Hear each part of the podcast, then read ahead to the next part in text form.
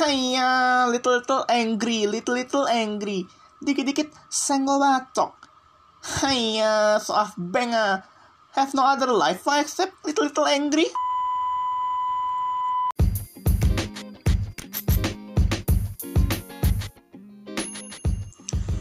What's up PMF listener? Woohoo! Yes, balik lagi geng sama gue. Weh, first of all, ya, wih sudah first of all aja tiba-tiba.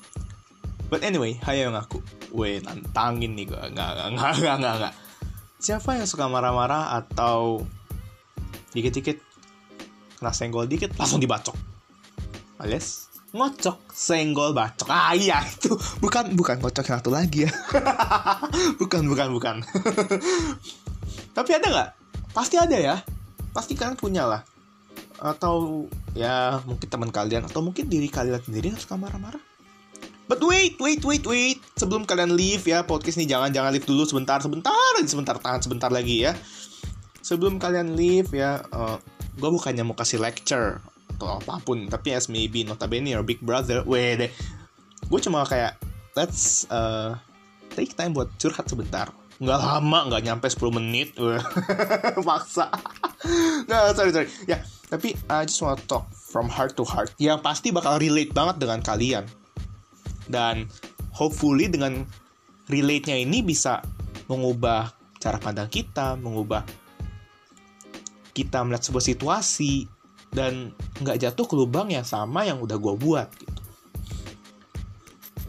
Tapi anyway kita balik ke topik. Siapa sih yang bakal ngaku kalau dirinya suka marah-marah? Nggak ada. Orang gila ya gue gue gila sih berarti.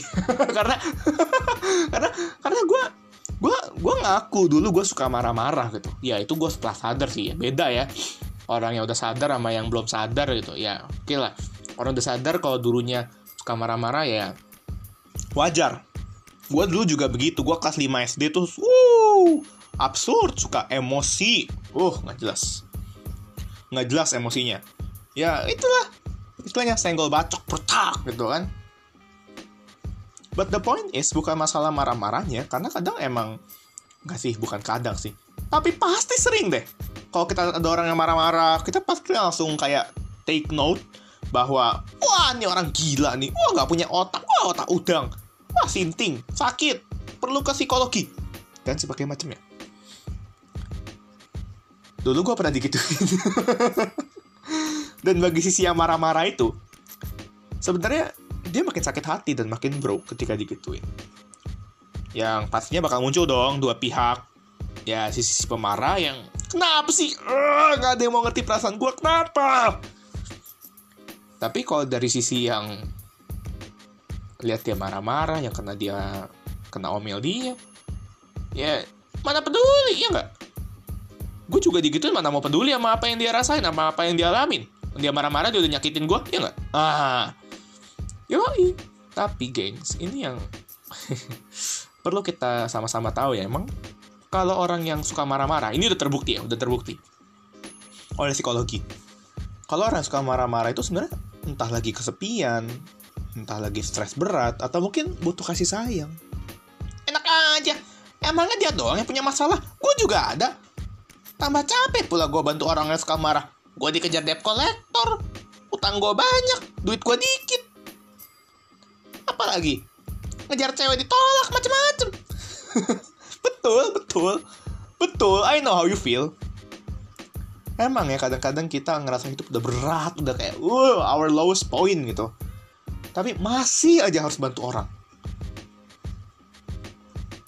well I don't know tapi awalnya sih emang kelihatan capek resah gitu ya emang emang but sometimes we need to remember that maybe it's our friend maybe it's our family let's start from small things. I mean kita dari sisi lingkup lingkungan kita dulu. Kita nggak usah sampai stranger sampai bapak-bapak ya yang atau emak-emak yang marah jangan jangan nggak usah. Kita aja dari sisi teman kalian bapak atau emak kalian. Dan mungkin kalau emang untuk khusus ya mungkin ya mungkin ya. Untuk teman-teman yang gak deket sama orang tuanya pasti bakal ngomong kayak lain tahu tuh bokap gue suka marah-marah mulu. Nggak jelas orangnya ya emang.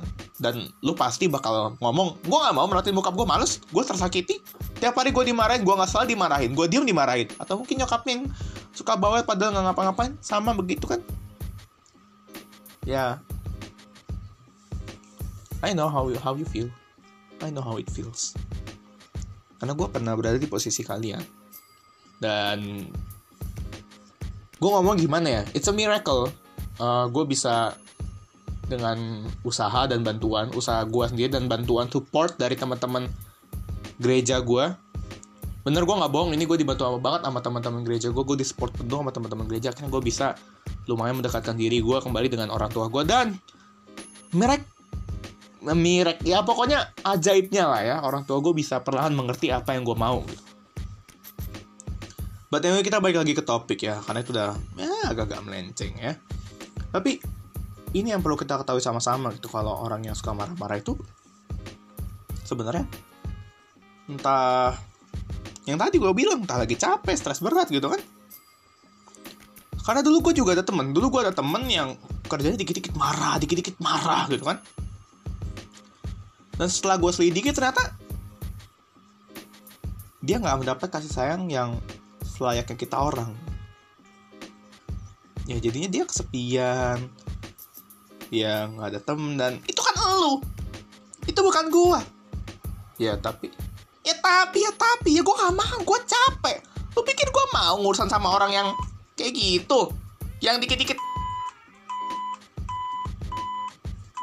gak mau gua Iya. That's okay. That's okay. Tapi kalau misalnya kita ubah mindset kita from we cannot do it from we cannot do it menjadi we can do it. Enak aja.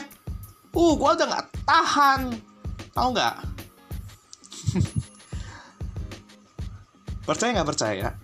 kalian semua yang dengerin podcast gue, gue jamin kalian bisa bantu teman kalian. At least teman teman kalian dulu deh. Jangan orang tua atau keluarga. Teman kalian dulu karena mereka lah yang ketemu kalian tiap hari. Tapi pertanyaannya mau atau enggak? Gitu aja sih. Urusan diterima atau kagak, urusan bakal berubah, urusan bakal dikatain, diapain, oh itu mah belakangan aja. Yang penting lu mau dulu aja. Yang penting ada niat mau dulu. Wede. Karena asal ada kemauan, pasti ada jalan. Iya. Jadi gue yakin kalian semua pasti bisa. Udah shh, makin banyak gaya aja lu. Udah udah udah. Udah kebanyakan ngomong. Udah mau 10 menit nih iya iya udah minggu depan episodenya apa nih yang mau lo munculin? Belum kelar ngomong masih ada yang ngegantung. Tapi emang yang penting kita mau dulu. Mulai dulu aja. Jangan mikirin yang lain-lain karena asal kita mau kita doain kita positif thinking kita jadi dorongan yang kuat dorongan positif yang kuat buat teman-teman yang suka marah-marah. Dia pasti bisa berubah. Tapi kalau misalnya dia nggak berubah ya udah. Kita nggak usah capek-capek. Karena dia punya jangkar ya udah. Kalau misalnya dia nggak mau ya udah. Kita coba keras kan? Ya wes. It's him or it's her choice.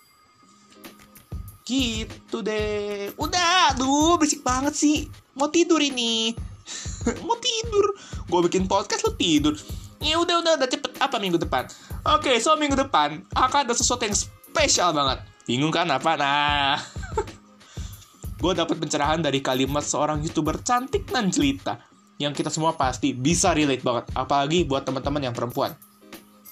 Mungkin emang aneh ya katanya cowok yang ngomong tapi ya karena menurut gue ini juga harus disuarakan dari seorang laki-laki bukan cuma cewek tapi laki-laki juga harus sadar dan ikut membantu menyuarakan gitu so siapa dia? Ya udah pantengin ya untuk podcast episode selanjutnya. Take care. Bye bye